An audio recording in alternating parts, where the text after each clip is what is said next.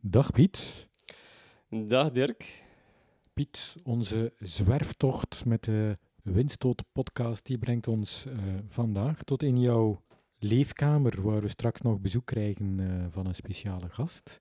Ja. Ehm, We zijn hier terug. ja, we zijn hier terug. Het is hier gezellig. Het is, nog, het is nog winter. Niet meer misschien als deze podcast wordt uitgezonden, maar het is hier gezellig warm. De kachel, de gaskachel snort rustig op de achtergrond en zorgt hier voor een gezellige, mooie warmte. Ehm, over wie gaan we het vandaag hebben in onze podcast, Piet?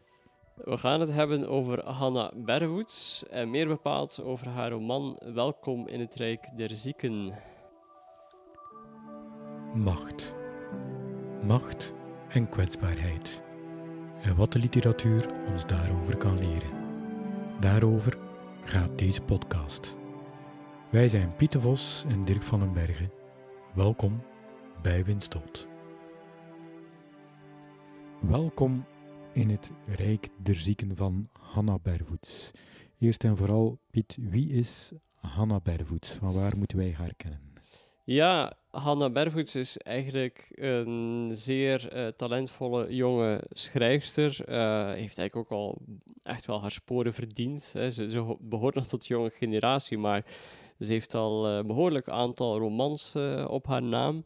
En die zijn eigenlijk bijna altijd wel weer eh, opgemerkt eh, in de pers en zo. Eh, dus een Nederlandse schrijfster. ehm, heeft het wel vaker over ziekte gehad. Eh, ze heeft ook een mooie roman, Ivanov, waar het eigenlijk over ja, het ontstaan van het HIV-virus gaat. Precies. Eh, mooie, heel mooi boek ook. Maar eh, nu gaan we het dus hebben over Welkom in het Rijk der Zieken. Ja, en waarom heb je dat boek gekozen?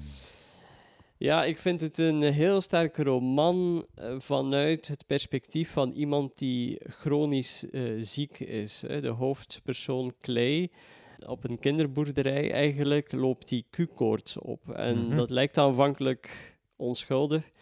Maar helaas, hij houdt er eh, heel behoorlijk eh, gevolgen aan over. blijvende vermoeidheid, spierontstekingen. Dus hij wordt eigenlijk chronisch ziek. En dat heel, het hele proces maken we eigenlijk mee als eh, lezer. Ehm, en ja, dat is toch wel echt uniek. Eh, er wordt niet zo heel veel over chronische ziekte geschreven in onze literatuur. Ehm, als ik het goed heb, vind je dit boek bijzonder omdat het echt is geschreven vanuit het standpunt van de chronisch zieke zelf. Ja, inderdaad. Het is dus ehm, het eh, totaal andere perspectief. Het is nu vanuit de patiënt, zou je kunnen zeggen. Maar wat ik ook wel heel krachtig vind aan het boek van Hanna Bervoets is juist ook wel dat ze laat zien dat, het, dat een patiënt ook een mens is. Hè. Dus dat met heel veel, ja, volledig leven. eh, dus dat helemaal niet eh, iemand te reduceren valt tot patiënt. Maar als wij het dus over ons thema hebben van macht hè, versus onmacht, kwetsbaarheid, dan lijkt het mij ook wel heel belangrijk om het eens vanuit, eh, ja, vanuit de patiënt of de zieke persoon eh, te gaan bekijken. Ehm, Dat ehm, Rijk der Zieken, waar wij welkom in worden gegeten, dat is een mooie vondst van Hanna Bervoets, maar het is eigenlijk niet haar eigen vondst. Het komt ergens vandaan. Hè? ja, het komt inderdaad uit eh, Susan Sontag, eh, eh, ziekte als metafoor, zo'n klassieker als het om ziekte gaat. We kunnen straks er nog wat uitgebreider over praten, want ze doet daar wel wat meer mee dan alleen maar de titel. Hè? Mhm, maar het is een heel belangrijk gegeven voor haar boek. Ja, ja, het loopt er een beetje als een rode draad doorheen, maar daar gaan we het straks nog Ja. over hebben, ook met onze, onze gast. Ik wil even een persoonlijke noot, Piet, maar je bent natuurlijk ook, jij weet wat het is om chronisch ziek eh, te zijn. Jouw blindheid is een, is een gevolg van, eh, van ziekte. Ehm, als je dan dit soort boek leest, ehm, haal je daar dan troost uit of kracht? Of, of speelt dat eigenlijk geen rol? Denk jij dat, dat dat iets anders met je doet dan met mij bijvoorbeeld? Wel, ik denk zeker dat het eh, invloed heeft, hè, wat, wat jouw eigen ervaring op zo'n gebied is. Eh, ik vind het super belangrijk dat zo'n perspectief ehm, wel beschreven wordt. En echt vanuit dus die persoon zelf, hè, dat, dat, dat lijfelijke echt, hè, dat je werkelijk mee kunt voelen met die persoon, dat dat in ieder geval wordt geprobeerd Mhm. hè, in literatuur. Dat vind ik eh, super cruciaal. En ja, dat heeft wel iets te maken ook, denk ik, met mijn persoonlijke geschiedenis. Maar de mijne had dus wel als kind en ook sinds een paar jaar opnieuw met kanker te maken. Dus niet met een dergelijk... Ehm, uh, ja, uh, vermoeidheidsaandoening, ja, spieraandoening. Nee. Mhm. Dus het is wel, uh, er zijn parallellen in de zin dat, je, dat het ook heel ongewis is en dat je. Dat niet heel duidelijk is hoe of wanneer er een einde is of, of niet. Hè. Dus dat zijn dingen die, die mm parallel zijn, maar tegelijk het leven met dagelijkse pijn, dat wat Kleders meemaakt, die hoofdpersoon, dat heb ik gelukkig niet. Oké, Piet, jij hebt voor vandaag iemand uitgenodigd uh, waarmee we gaan spreken over Welkom in het Rijk der Zieken. Wie, uh, wie, wie is jouw uitverkorene, om het maar eens zo te zeggen? Ja, ja. Nou ja, ik dacht wel gelijk uh, aan Lynn zijn en eh, heel fijn dat Lynn ook onze uitnodiging aanvaard heeft. want Lynn heeft zelf ervaringsdeskundige heeft zelf een uh, reumatische aandoening. Uh, daar kan ze beter straks allemaal alles zelf over vertellen. Mhm. Eh, maar ik las vooral een fantastisch boek van haar, Zinvol Ziek. Prachtig boek over ja, juist die reflectie vanuit haar eigen ervaring op het chronisch ziek zijn. en dus ook ja, wat dat in de maatschappij betekent, hoe je vaak aan de kant wordt geschoven, maar ook, het is ook een heel positief boek, dus met heel veel oplossingen en ideeën om dat beter te gaan doen. En dus ik heb Lin gevraagd om Hanna Bervoets, of, ja, of ze dat wilde lezen. En nou, daar is ze dus graag op ingegaan, waar wij heel blij mee zijn. Malin zelf is ja, ook uh, zelf podcastmaker. Um, ja, dat legt de druk een beetje op onze schouders, want ja. dat moeten wij natuurlijk even goed zien te doen als de podcast die Lin maakt. Voilà, uh, in de grijze zone. Uh, alle luisteren zou ik zeggen, fantastisch mooie serie ook. En ja, ook in het dagelijks leven is Lin nu mensenrecht, mensenrechtenactivist bij GRIP, de mensenrechtenorganisatie voor personen met een handicap bestaat trouwens net mm 20 jaar. En in die context hebben wij elkaar ook eigenlijk leren kennen, omdat ik zelf daar ook vrijwilliger ben. Ja, kan je iets uh, heel kort nog iets meer vertellen over grip en over dat mensenrechtenactivisme voor personen met een handicap? Want als wij denken aan mensenrechtenactivisme, dan denken we aan Human Rights Watch, aan Amnesty International, dan denken we aan uh, misdaden tegen de menselijkheid ver weg. Ja. Maar er kan ook bij ons nog heel veel verbeteren. Hè? Absoluut. Hè? Dus uh, wat, je dus, wat uniek is aan grip is, denk ik dat het dus een, over, een overkoepelende organisatie is voor alle mensen met een handicap en ja, chronische ziekte. En uh, ja, ze zetten zich echt in voor de verbetering van de mensenrechten, ook dus vooral in België dan. En dat gaat dan met name over de bevordering van inclusie. Dus om te zorgen mhm. dat wij als gehandicapte mensen volledig kunnen deelnemen aan de samenleving. Dat is hun uh, grote doel. En daar, ja, ze doen daar bijzonder belangrijk werk op vlak van onder, onder, onderwijs, arbeid. En daar is nog heel veel werk aan de winkel. Um, want België heeft bijvoorbeeld het VN-verdrag, want dat bestaat dus. Er is een VN-verdrag voor, um, de, um, uh, voor de rechten van uh, personen met een handicap. Mm -hmm. Dat is dus, wij hebben dat ondertekend, geratificeerd in België. Maar de naleving daarvan, dat is een ander verhaal. Uh, nog steeds wonen veel te veel mensen met een handicap in instellingen. Uh, dus helemaal niet mhm. inclusief. Uh, we, we lijken eerder bijvoorbeeld het bijzonder onderwijs te versterken. Uh, met de huidige regering, in plaats van uh, meer naar meer inclusief onderwijs te streven. Dus er is uh, heel wat werk aan, aan de winkel. En ja, Grip is degene die dat in de gaten houdt. Zij schrijven scherpe, mhm. kritische stukken. Dus heel belangrijk werk. Ja, mm -hmm. dus eigenlijk een beetje om terug te keren naar het boek, om ervoor te zorgen dat dat Rijk der Zieken, dat dat eigenlijk uh, meer wordt opgenomen in het Rijk van de niet-zieken of de gezonden, om het dan maar eens zo te zeggen. Zo zou je het kunnen zeggen. En uh, ja, daar gaan we het ook zeker over hebben met Lin. hoe, dat dan, hoe we dat zouden kunnen doen. Oké. Goed, welkom uh, Lin. Super fijn dat je hier bent. Dank je. Uh, ik heb jou al een aantal keer ontmoet in de wandelgangen bij Grip en zo. En uh, ik herinner mij dat je mij vertelde dat je bij de voorbereiding van je eigen boek Zinvol Ziek ook wel op zoek was naar literaire teksten over chronisch ziek zijn. En ja, dat die toch wel moeilijk te vinden waren. Ja, klopt. Ik ben toen uh, op de boekenbeurs van 2019 echt een steekproef gaan, gaan houden. Ik ben aan al die standen gaan vragen van hebben jullie literatuur geschreven vanuit de ervaringsdeskundige en, en uh, bij voorkeur um, het, het persoonlijk verhaal overstijgend, hè, dus een beetje breder bekeken. En die, ja, die moesten mij allemaal zo wat antwoord schuldig blijven. Met uitzondering van die zijn getuigenis over slapeloosheid, um, een getuigenis over psychoses was er eentje. En dan um, bij de onafhankelijke boekhandels hadden ze wel het boek van Hannah Bervoets liggen. Zeiden ze van ja, we hebben wel een roman dat daarover gaat. Um, dus ik heb die toen ook opgenomen in uh, de blog dat ik daarover geschreven heb. In de lijst stond uh, Welkom in het Rijk der Zieken erbij. Maar het was bedroevend uh, gesteld met de literatuur. Dus ik zag dat als een mooie um, extra stimulans om dan zelf een boek te schrijven. Ja, dat is natuurlijk een, een, een, ja, een ander perspectief. Hè. Jij, koos voor uh, non-fictie. Hoe was het nu om, om die roman uh, te lezen? Want ja, je bent zelf uh, ervaringsdeskundige.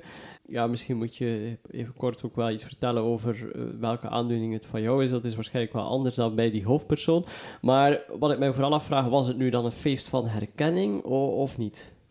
Ja, toch wel. Ehm, ja, mijn aandoening heet spondyloartritis, een hele mond vol. Um, het komt erop neer dat dat een auto-immuun vorm van reuma is, um, die mijn gewrichten in ja, voornamelijk bekken en mijn, mijn ruggengraat aanvalt. Wat dat uiteraard ook voor altijd pijn zorgt en voor slechte nachten, voor vermoeidheid. en daarbovenop, omdat ik nog heel wat symptomen had die ze daar niet helemaal konden induwen, hebben ze mij ook wel uh, fibromyalgie als ja, secundaire diagnose gegeven, hè, omdat ik dus mijn pijnsyndroom daarbovenop zit, hè, dat ze met de reumamedicijnen niet kunnen aanpakken. Dus er was zeker veel herkenning in het boek, omdat uiteraard een van de personages diezelfde diagnose heeft. Dus dat was voor mij uh, zeker interessant. En de, um, allee, heel specifiek zelfs de, de beschrijvingen van de pijnprikkels vond ik heel interessant, omdat we mm. daar als mens zeer weinig woordenschat voor hebben. En ik mhm. vind dat Hannah Bervoets dat eigenlijk heel goed heeft gedaan. Um, de metaforen die ze zelf creëert om, uh, om te duiden hoe het voelt, vond ik heel interessante materie. Dus, ja. ja, heel moeilijk te beschrijven. Hè? Pijn, dat is zo echt het, het, misschien wel de sensatie waar taal altijd tekort schiet of zo. Mhm. Hè?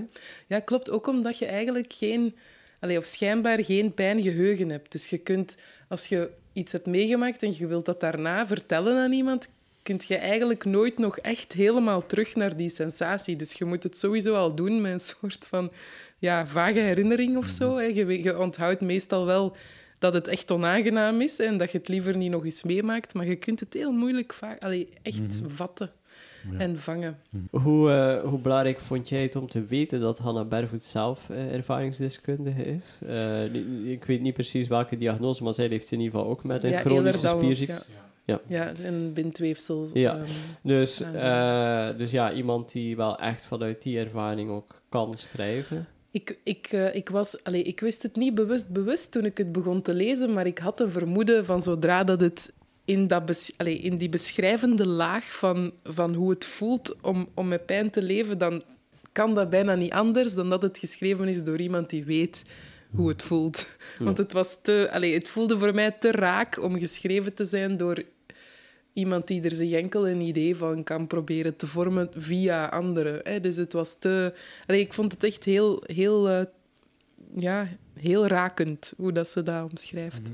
En voegt het dan iets toe voor jou, bovenop al die non-fictie die je hebt gelezen? Geeft dat een soort extra lagen, extra dimensie aan alles wat je weet over ziek zijn en chronisch ziek zijn? Ja, het, het lijkt mij vooral makkelijker verteerbaar in die format. Um, omdat het ja, het verhaal op zich je ook al meesleept en, um, en het mogelijk makkelijker uh, meer mensen zal bereiken die zelf niet per se pijn hebben. Um, dus dat vind ik wel een meerwaarde. Mm -hmm. Ja. ja, omdat je echt kunt meeleven met de personages eigenlijk, hè? Ja, absoluut. En ik denk dat het, dat het een heel goede roman is om, om te geven aan mensen die in contact komen met pijnpatiënten. Omdat het juist... allee, het is toegankelijke literatuur en het is...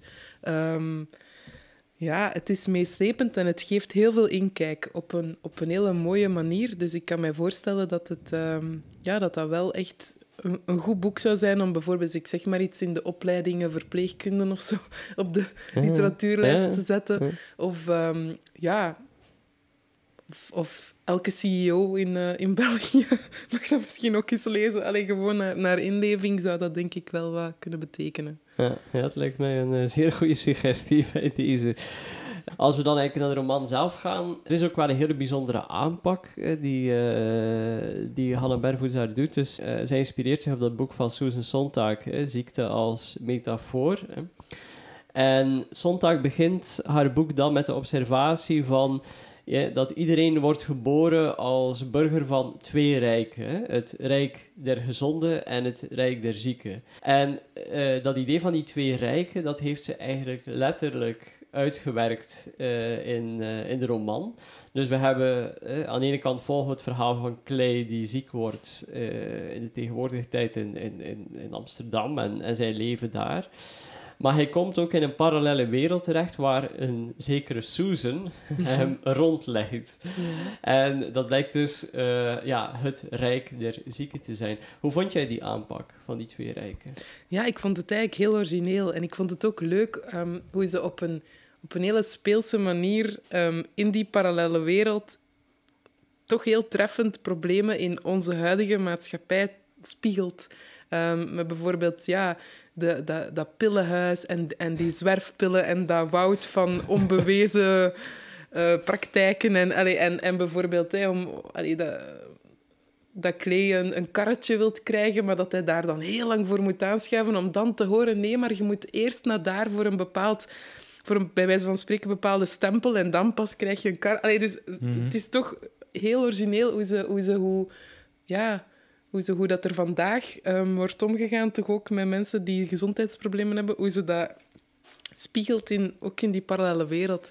Maar ik vond het zelf ook... Ja, ik vond het heel leuk eh, om te zien. En ook hoe, hoe simpel dat ze dat aangeeft met, dat, eh, met die sterretjes. Allee, telkens Ja. een, een vol zwart sterretje voor het heden, allee, voor onze wereld, en een leeg eh, sterretje voor de parallellen. Allee, dat was zo altijd... Ah ja, we zijn daar weer. Eh, maar ik vond, ik vond het zeer mooi, ehm, zeer mooi verwerkt, inderdaad. Wat ik ook sterk vond eh, eh, in, in, in die parallele wereld, is dat Clay een lichaam moet meesleuren. Ja. Hij, hij sleurt letterlijk met een ander lichaam. Dat Mm. vond ik een hele mooie symboliek voor hoe Ja. je je voelt als je chronische pijn hebt. Ja, ik, ik vond ook, allee, ik ben als ik lees altijd een beelddenker. Dus ik vind ook dat ze, allee, de manier waarop ze het uitwerkt, je, zie, je kunt het je zo voorstellen. Dat magazijn met al die lichamen zonder hoofd. En Ja. je moet daar je eigen lichaam gaan uitzoeken. En, en dan moet je dat zo met alle imperfecties, want het is een naakt lichaam, moet je dat op een of andere manier zien mee te dragen. Dus inderdaad, dat, ja, ik vond dat heel, heel bijzonder gevonden. Ja, het is eigenlijk een soort hè, eh, metafoor van het lichaam als last en als vervelend ding. eh, eigenlijk. Ja, en dat heeft wel echt een heel grappig effect. Dat, dat, dat vind ik zeker ook. Maar ik moet ook zeggen, als ik jouw boek las, eh, vond ik ook dat er heel veel humor in zat. Dus ik dacht, ja, ondanks dat het een moeilijk onderwerp is en et cetera, en dat jij bijvoorbeeld ook zeker, en Hannah Bervoets trouwens ook niet, de moeilijke kanten schuwt, hè, dus de pijn benoemt, et cetera, is toch die humor eh, daar. Is dat ook wel heel belangrijk om met ziekte om te gaan, volgens jou? Ja, ik Ja. vind dat heel belangrijk. Ik vind, ehm, ik vind dat dat zeker niet in de taboesfeer mag hangen, om daar ook op een...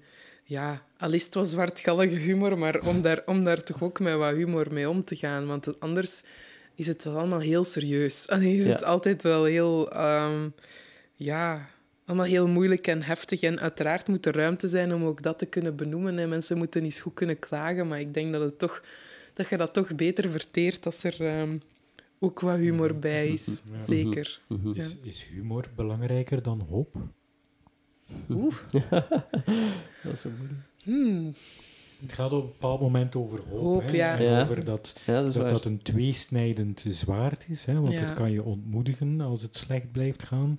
Maar het is ook iets om je aan Ja. vast te klampen, omdat je anders, ja, als je geen hoop meer hebt dat het ooit beter wordt, dan hou je er misschien mee. eh, Ja, mee op. absoluut. Ja, ga, hoop en humor. Ik, ik denk dat je ze alle twee nodig hebt. Ik denk dat het en-en is. En ik denk dat je ook ehm, soms met humor over de hopeloosheid moet kunnen, Mhm. moet kunnen lachen. Maar dat je toch altijd wel...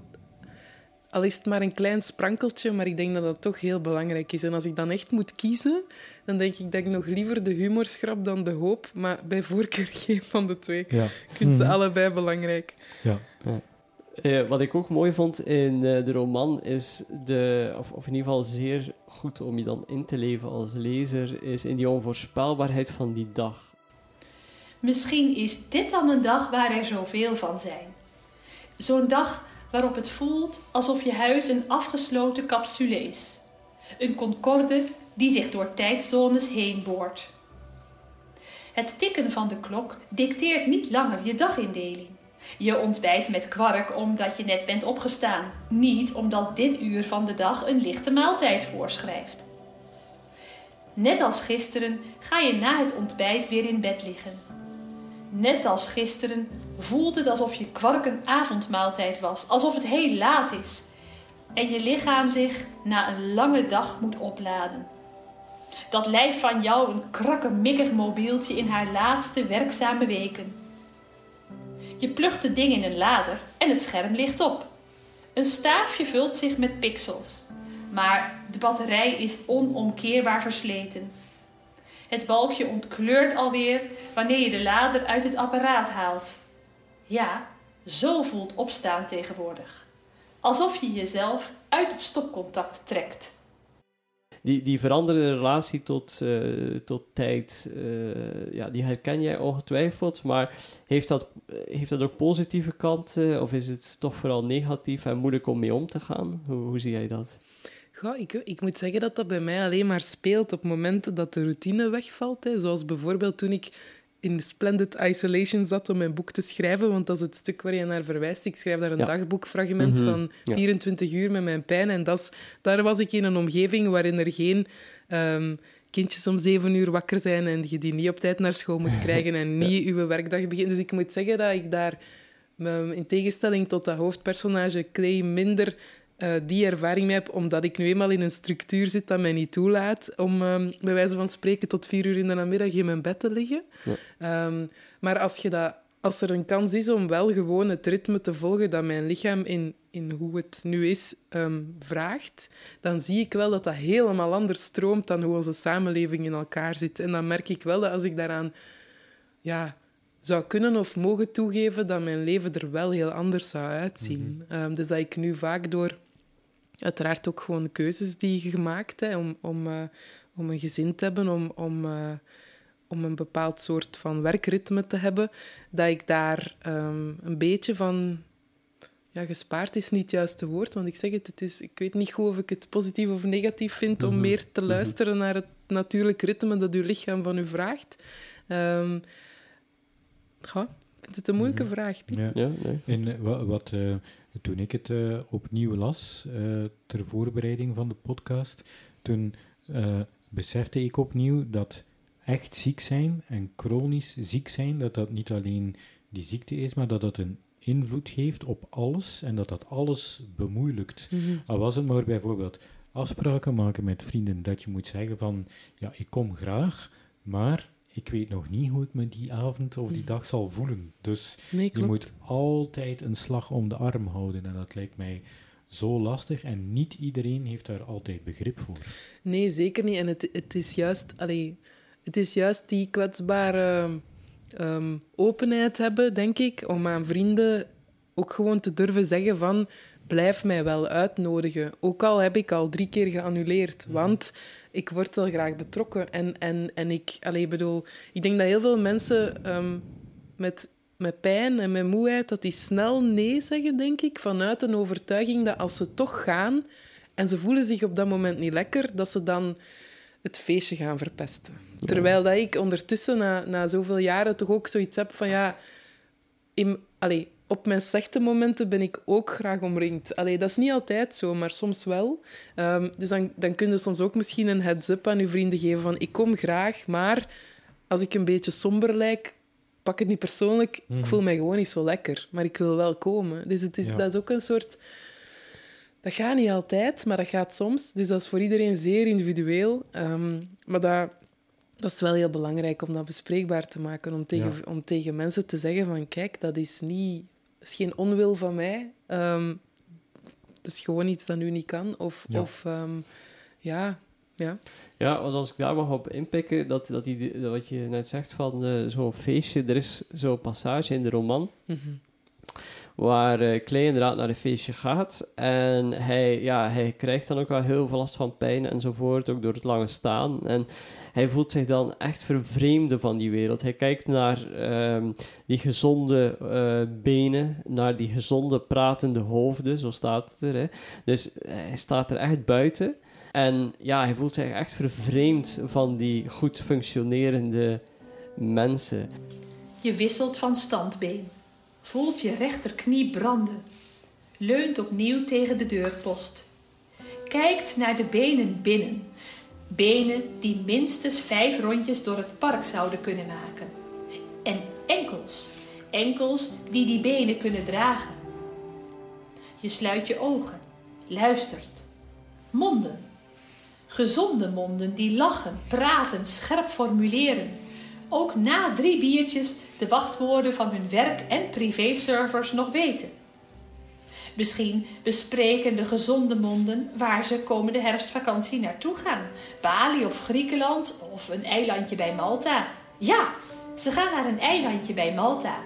Daar zijn ze nog nooit geweest. En gezonde lichamen willen alles van de wereld zien. Met hun gezonde armen overal op aarde foto's van hun gezonde hoofden maken. Is dat ook deel van, van eh, chronisch ziek zijn? Zo'n vervreemdende ervaring, eh, dat dat toch eh, soms, ja, dat buitenstaandersperspectief? Ja, zeker. Zeker. En ik denk dat het er ook van afhangt natuurlijk ehm, hoe zwaar de impact van, van je aandoening is op alles wat wij in onze samenleving vanzelfsprekend vinden. Want dat hangt er natuurlijk vanaf. Er zijn zoveel verschillende soorten chronische aandoeningen. Maar als we nu een, neem nu een persoon die effectief, hè, die, die arbeidsongeschikt is, die heel veel thuis zit, ehm, die, die heel weinig nog sociaal beleeft dan is, dat, dan is dat zeker wel zo, denk ik. Dat als die dan nog eens op een evenement is of zo, of als die nog eens in een drukke omgeving is waar, waar geen andere lotgenoten zijn, kan ik mij wel voorstellen dat dat heel vervreemdend moet zijn. Vooral ook omdat de meeste gesprekken gaan over wat doet je in het leven, wat, wat is uw werk, met wat zit je allemaal bezig. En als je daar moet op antwoorden, ik heb geen job, ik doe niks, ik zit thuis met een ziekte. Ja, dat maakt u niet bepaald interessant. Of, of veel mensen hebben zelfs gêne, denk ik, of schaamte zelfs nog, om, eh, om, en schuldgevoelens om dat te durven vertellen. Dus ik denk dat, het, dat die vervreemding vooral ontstaat door verwachtingen in onze samenleving voor een heel groot stuk. En, en het feit dat je daar niet meer aan voldoet. Ehm, Ik denk dat dat mensen wel, wel echt angstig maakt ook. Is het misschien daarom ook dat het soms, eh, eh, jij noemt het hygiëne, maar dat het, dat het niet zo evident is om, als je dan ziek bent en je bent thuis, dat je geen zin hebt om daar altijd over te praten. En ook omdat je niet wilt dat die ziekte jouw identiteit wordt, want je bent nog altijd veel meer dan dat. Mhm. Ja, nee, zeker. Zeker, maar, maar ik denk dat er ook nog altijd bij veel mensen, en dat hoor je ook als je dat, als je dat vraagt aan, aan, eh, aan lotgenoten, dat er echt ehm, schaamte zit of, of, of gêne zit om, om erover te praten, omdat ze er dan vanuit gaan dat dat automatisch klagen is en dat klagen automatisch negatief is en dat dat automatisch lastig is voor de persoon die daarnaar moet luisteren. Ja, precies. dat hoor je heel vaak van, maar ik wil geen blok aan mensen hun been zijn. Of ik wil... En dan denk ik zo van, ja, maar als we een begripvollere samenleving willen, dan is openheid naar mijn gevoel wel cruciaal. En dan moet je... Allee, je moet er niet over praten, maar ik bedoel, als je, als je de kans krijgt en als je een gesprekspartner hebt die oprecht geïnteresseerd is, ja, dan denk ik dat mensen toch wat meer moeten durven om te vertellen hoe het is. En niet gewoon de standaard, ja, ça va wel, of zo. Mhm. ja. Ja, wat ik, wat ik wel heel mooi vond in Zinvol Ziek is dat jij er toch ook wel pleit om, hè, wat je nu net zegt ook, eh, om er open over te zijn, om erover te praten, omdat het gewoon ja, ook wel deel is van onze diversiteit. Van ja, eh, ziek zijn hoort nu eenmaal ook bij het leven. En eh, wat ik bijzonder vond is dat jij dan ook een, een, een term bedenkt. eh, ik vind het een prachtig neologisme, manke mensen. Maar dus er is ergens toch ehm, ja, een, een soort nieuwe laag van de identiteit die, dan, eh, die zich dan toch vormt of zo. Die je dan toch wel openlijk moet erkennen of zo, als, om ermee om te kunnen gaan. Ja, ik, ik heb dat woord ehm, ja, een beetje ja, laten ontstaan, omdat ik, omdat ik Ehm, niet heel de tijd een opsomming wil maken van alle mensen op wie mijn boek mogelijk van toepassing zou kunnen zijn, want dat zijn er veel. En, en wat ze allemaal samen, alleen wat ze gemeenschappelijk hebben, is dat er mankementen zijn, van eender welke aard. Um, en je zou kunnen opperen dat we, dat, dat we dat allemaal dan tot op zekere hoogte zijn. Maar het is interessant omdat mensen lezen soms ook gewoon manke mensen en zeggen, zeg, ik ben niet mank, of, of vinden dat eigenlijk eerder een, een scheldwoord, terwijl het is uiteraard echt de samentrekking van mankement en mens, ehm, en niet van mank en mens. Dus het is ook een, een leuk sociaal experiment om te zien als iemand dat woord voor de eerste keer ziet, hoe ervaart hij dat dan? Vindt hij dat dan een negatief woord of een positief woord? Ehm, maar ik zou liefst natuurlijk gewoon over mensen schrijven, maar zolang dat er zo'n groot onderscheid wordt gemaakt in onze samenleving tussen wie uh, heel erg goed functioneert en wie door omstandigheden minder goed functioneert, is het wel nodig, denk ik, om te kunnen afbakenen en om te kunnen zeggen: het mhm. gaat hier mhm. om manke mensen en de bewustwording daar rond is belangrijk. Dus um, dat is de, mhm. de, voornaamste reden dat ik dat heb gedaan. Ja, Precies. Want ja, uh, jij legt daar sterk de nadruk op, en dat is ook zeer terecht, denk ik, in uh, Zinvol Ziek, dat uh, ziek zijn niet louter een lichamelijke, individuele, psychologische ervaring is, maar ook een sociale en een politieke. Hè? Dus dat er ook maatschappelijke, politieke kanten aan zitten. dus hoe gaan we om hè? met mensen die, met manke mensen, zullen we maar zeggen. Hè? Wat voor plek krijgen krijgen wij uh, in, die, in die samenleving.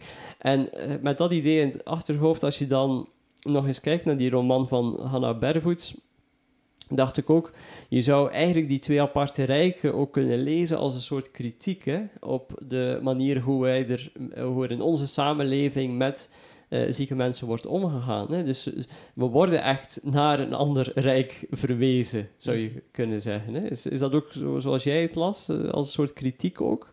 Ze doorprikt um, in die parallele wereld ook dingen die bij ons effectief voor heel veel frustratie zorgen. Hè? Zoals lange wachtlijsten bij, mhm. bij dokters en de zoveelste specialist en, en de zoveelste um, behandeling die niet lukt en nog een behandeling. En, en waardoor je onder... Allee, ik vond dat heel mooi, dat ding van die zwerfpillen.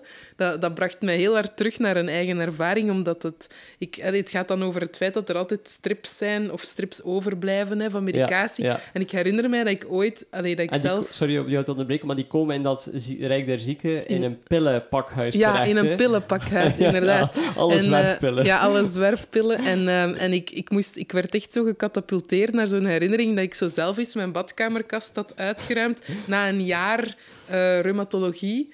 En dat dat echt een berg van half gebruikte pillenstrips van dingen die uiteindelijk niet bleken te werken. En ik heb daar toen een foto van gemaakt, want ik was daar zo van onder de indruk, want dat was echt een berg. Dat je echt denkt... Zoveel rommel. Allee, bedoel, en dan inderdaad al die bijwerkingen daarvan. En al die, mensen staan daar heel, daar heel zelden bij stil. Zo de collateral damage van zo'n hmm. chronische diagnose. Wat er allemaal bij komt kijken. We denken dan, ah, er is een pilletje voor. Maar ja, dat pilletje doet dan misschien ook nog wel wat schade en dan zit je weer zo. En dat pilletje werkt niet per se. En dan moet je een pilletje nemen Voor het pilletje, ja, voilà, inderdaad. En, en ik vond dat, dat idee van zo'n pillenpakhuis, ja, ik, dat vond ik ook heel humoristisch. Uh, maar ook bijvoorbeeld de, de, dat soort warenhuis, waar je dan per lichaamsdeel een verdiep had. En dan had je een, voor het hand bijvoorbeeld een verdiep, maar dan had je een deur voor elke vinger. En ik vond dat ook een manier om, om, om, allez, om op, met humor te verwijzen naar onze geneeskunde, waarin mhm. specialisme zodanig ver gevorderd is dat je bij wijze van spreken voor die ene nekwervel naar die specifieke dokter moet. En, en ik, dus ik, vond, ik vind het heel goed hoe ze dat gedaan heeft, eigenlijk. Hoe ze, in, hoe ze de kritiek op de maatschappij meer daarin heeft gestoken dan, dan in de interacties van het hoofdpersonage in, het, alleen in onze wereld, om het zo te zeggen. Want dat mhm, mhm. komt aan bod, maar... Minder, denk ik, dan in, dan in de andere rijk. Mhm, en wat, wat ik, wat ik um, in het stukje in onze wereld ook goed vond, waren bijvoorbeeld die die ehm, blogposts Ja. op, op de fora hè, van, Ja. van bijvoorbeeld... Van lotgenoten. Ja, van- maar, maar ook van, ehm, van, van Marla dan, hè, de, het, het tweede belangrijkste Mhm. personage, waar eh, toch een aantal keer dat je enkel, enkel een blogpost van haar bijna ziet en dan teruggaat naar het parallele rijk. En dat, dat vond ik ook wel heel mooi, hoe, hoe ze daar thema's durft aankaarten die, die heel moeilijk bespreekbaar zijn, zoals de vergelijking tussen... eh, kanker en, en andere ja. vormen van ziek zijn. Ja. Het komt aan bod en het is, in, het is interessant, omdat het... Ja, ik heb, daar, ik heb mijzelf daar ook al wel in verdiept. Ook in gesprek met eh, Ariane Bazan voor mijn boek bijvoorbeeld. Hè. Die vertelde dat ook, van ja, rond, ehm, rond kanker doen we heel veel, omdat iedereen daar wel iemand kent die dat heeft of de angst heeft van dat zelf te krijgen. Dus daar wordt heel veel rond gedaan, terwijl andere aandoeningen die misschien evenveel impact hebben op een mensenleven, die, worden, die blijven onzichtbaar in onze samenleving. En ik vind het goed dat ze in haar roman ook dat soort van thema's durft aanraken. Dus ja, Ja, want dat is ook wel weer met humor, een beetje zwarte humor, maar wel Mhm. eh, dat ze dan ook zegt van ja, kanker, daar kun je tenminste mee, hè, daar kun je meeleven. Dat is, eh, dat is een therapie die, die goed gaat. Ja, het gaat dan eens niet goed, er is weer een herval, maar oké, ja, we leven mee. We le- het is weer een overwinning ja of een inderdaad. verlies. Je kunt er een verhaal van Je maken. kunt er een verhaal van maken, het is spannend, we vinden het al... Terwijl, ja, met chronisch ziek, ik, eh, dat zij ook zegt van op een gegeven moment, ja, ik kan mijn eigen verhalen niet eens meer aanhoren, laat staan dat een ander het dan zou moeten. Ja, en Dus- ook, er is zo'n zinnetje dat mij bijbleef, dat ze zei van... ehm, we gaan niet dood, maar we genezen eigenlijk ook nooit meer, maar dat is niet spannend. Dat is niet daar, kun, daar, kun, daar kun je geen verhaal van maken of zo. Daar, zit, Ja. geen, Ja. daar zit niks in. En ja, dan dacht precies. Ja, maar Clay zegt ook op een gegeven moment bij een feest, ja, kanker het is tenminste eindig. Hè? Ja. Dat, dat is wel heel zwart, maar het is wel ongelooflijk raak. Ja. Ja, en ook de vooroordelen tegenover andere ziektes. Hè. Als je dan Ja. zegt van fibromyalgie, ah ja, zo'n vrouwenziekte. Ja, ja, ja, heel dat erg. is- dat zit er ook heel erg Ja, in. Hè. die, ja. eh, Ja, en de link met... Wat, wat mij, alleen een zin dat mij ook was bijgebleven, was een citaat ook van Zondag. Dat ze zei van, eh, hoe minder we weten over een aandoening, hoe sneller we dat toeschrijven aan karakterfalen. En dan dacht ik, Ja, oeh, precies. dat is heel Precies. raak. Want dat doen, dat doen ze bij aandoeningen zoals fibromyalgie, Ja, die door de ene dokter passage. wel en de andere Ja. dokter niet erkend worden. Doen ze nog steeds. Hè? Dat ze dan, ja, maar eh traumatje of eh, een beetje overspannen misschien. Allee, zo. Ja, het is ja, zo ja. direct uw, uw eigen verantwoordelijkheid. Het, is- Ja, ja. het is uw eigen schuld bijna dat je een pijnsyndroom hebt. Dat is heel interessant. Allee, Ja, dat is vooral inderdaad bij, bij ziekten die moeilijk te diagnosticeren zijn. Of die vooral, laten we zeggen, niet in ons westers kader passen of zo. Mhm. Hè? En dat, dan, dan, wordt het, dan wordt het heel snel dat soort dingen geschoven. En dan zit het wel tussen de oren ergens. Hè? Wat de roman ook wel laat zien is wel het belang van eh ja, lotgenotencontact. Hè? Dat mensen elkaar opzoeken en ervaringen kunnen delen. Eh, ja, dat, dat, want in het begin heeft Clay helemaal niemand in zijn omgeving aan wie hij het kwijt kan of die, die hem volledig kan volgen.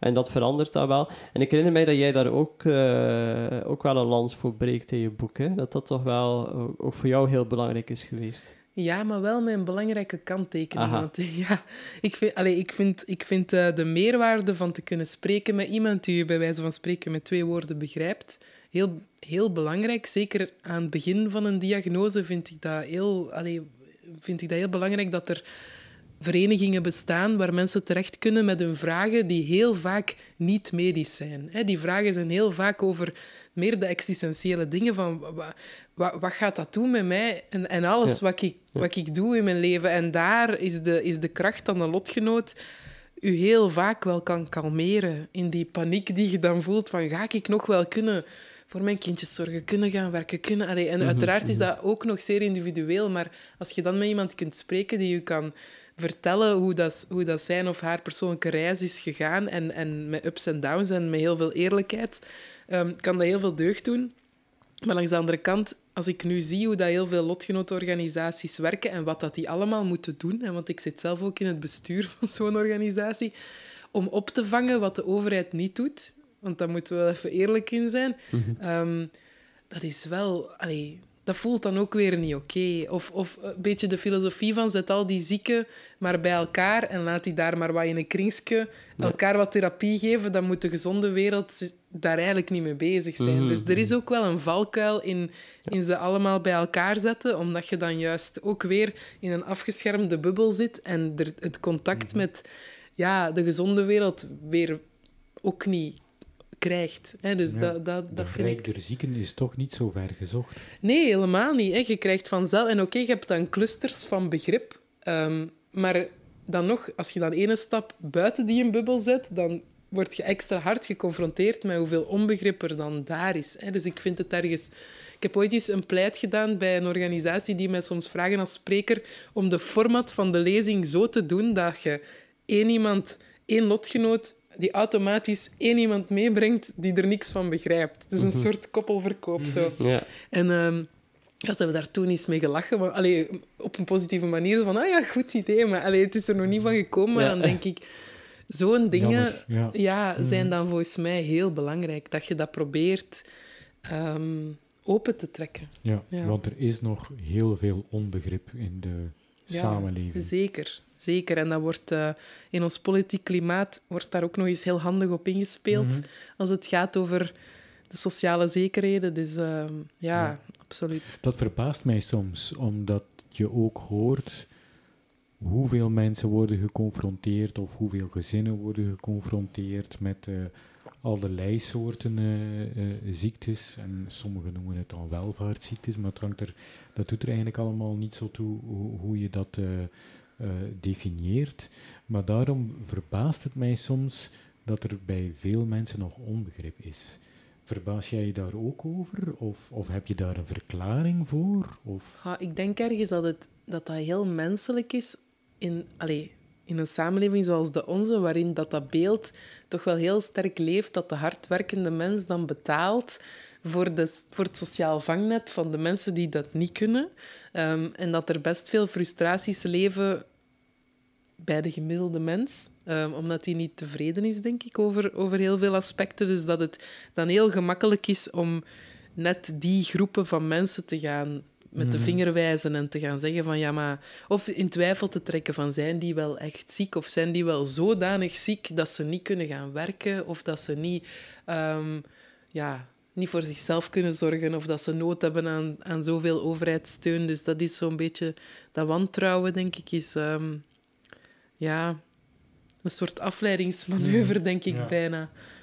We hebben er ook al eigenlijk eh, verschillende keren naar verwezen ehm, dat ja, als, als ehm chronisch zieke persoon dat je vaak een soort speelbal wordt van eh, ja, de, de geneeskunde. Het is soms heel lang wachten op een diagnose. hè, dat overkomt Klee ook in de roman. Eh, en dan, ja, dan begint ook een heel circus van eh, paramedici. En, en, en ja, hij gaat dan ook op zoek bij, bij alternatieve eh genezen, et cetera. Maar in ieder geval ook bureaucratie niet te vergeten. Dus hij is eigenlijk, hij voelt zich machteloos. Hè? Dus hij, hij is de regie ehm, ja, kwijt over zijn leven. En dat komt er dus eigenlijk extra bij, bij het ziek zijn. Eh, waar zie jij daar eigenlijk verbeterpunten? Want volgens mij heb je daar ook wel een duidelijke visie op, wat, hoe dat anders zou kunnen. Ik denk in, over eender welk aspect van, van ehm, samenleven dat je het hebt, allee, of, of van Mhm. ziek zijn, dat, dat, er, dat de dialoog met de persoon zelf, dat dan nog altijd om een of andere Mhm. reden het moeilijkste is Ja. of zo. Mhm. Zelfs binnen een dokterskabinet. eh, allee, het gebeurt niet zelden dat een arts alleen maar oogcontact maakt met het computerscherm om af te lezen hoe, wat uw bloedwaarden zijn en wat er wel of niet te zien is op de scan. En dat er eigenlijk ja, heel erg weinig menselijkheid in die interactie zit. En daar begint het volgens mij al een beetje.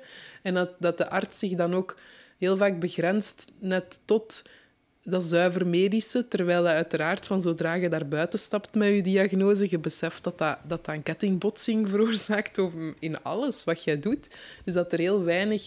Allee, ik, denk, ik denk dat bijvoorbeeld zelf eh, kies ik voor, voor mijn ehm, huisartsgeneeskunde voor een groepspraktijk, waar dat ook eh, een psycholoog zit, waar ook uh, verpleegkundigen zitten, mhm. waar een diëtist zit. Waar, mhm. om, om, omdat dat een, een soort geïntegreerde zorgaanpak heeft die volgens mij nodig hebben en waar al veel voor gepleit is. Hè. Het model van geïntegreerde zorg, waar dat bewijzen van spreken je ook, um, als, als een dokter nu doorvraagt op uw slapeloosheid en het blijkt dat je eigenlijk uh, een schimmelprobleem in je huis hebt en een, een huisbaas die daar ongelooflijk moeilijk over doet, waardoor je wakker ligt en piekert en noem maar op, dat die u dan kan doorverwijzen naar bij wijze van spreken de deur ernaast, de maatschappelijk werker, die u dan kan helpen met dat contact mm. met die mm. baas. Dus een soort van ja, het meer samenbrengen, het niet zo strikt splitsen van, van, van wat er met je lichaam kan misgaan, wat er met je, met je geest kan misgaan, wat er met je sociale leven kan misgaan, maar dat, dan meer, dat er meer een soort van... Uh,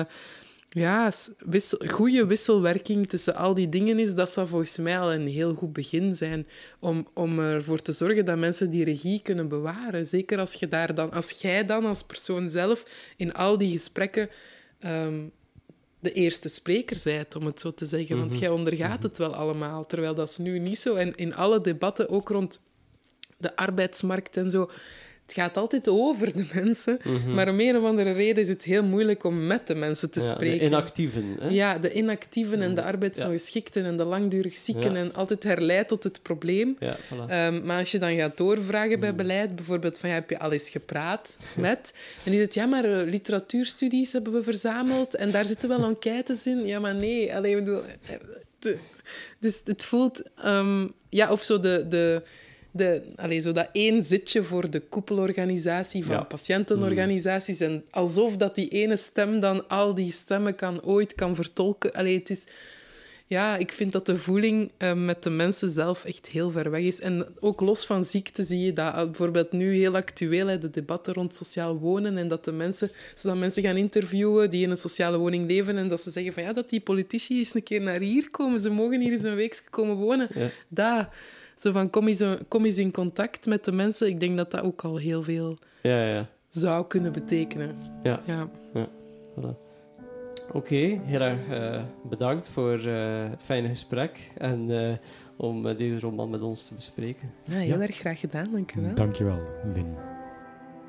U luisterde naar Winstoot, een podcast van literatuurwetenschapper Pieter Vos en journalist Dirk van den Bergen in samenwerking met VZW Wit. De literaire fragmenten werden voorgelezen door Mirjam Boers en de muziek is van Paul Isaac. Wil je meer weten over de andere kunstprojecten van Winstoot? Surf dan zeker eens naar winstoot.org.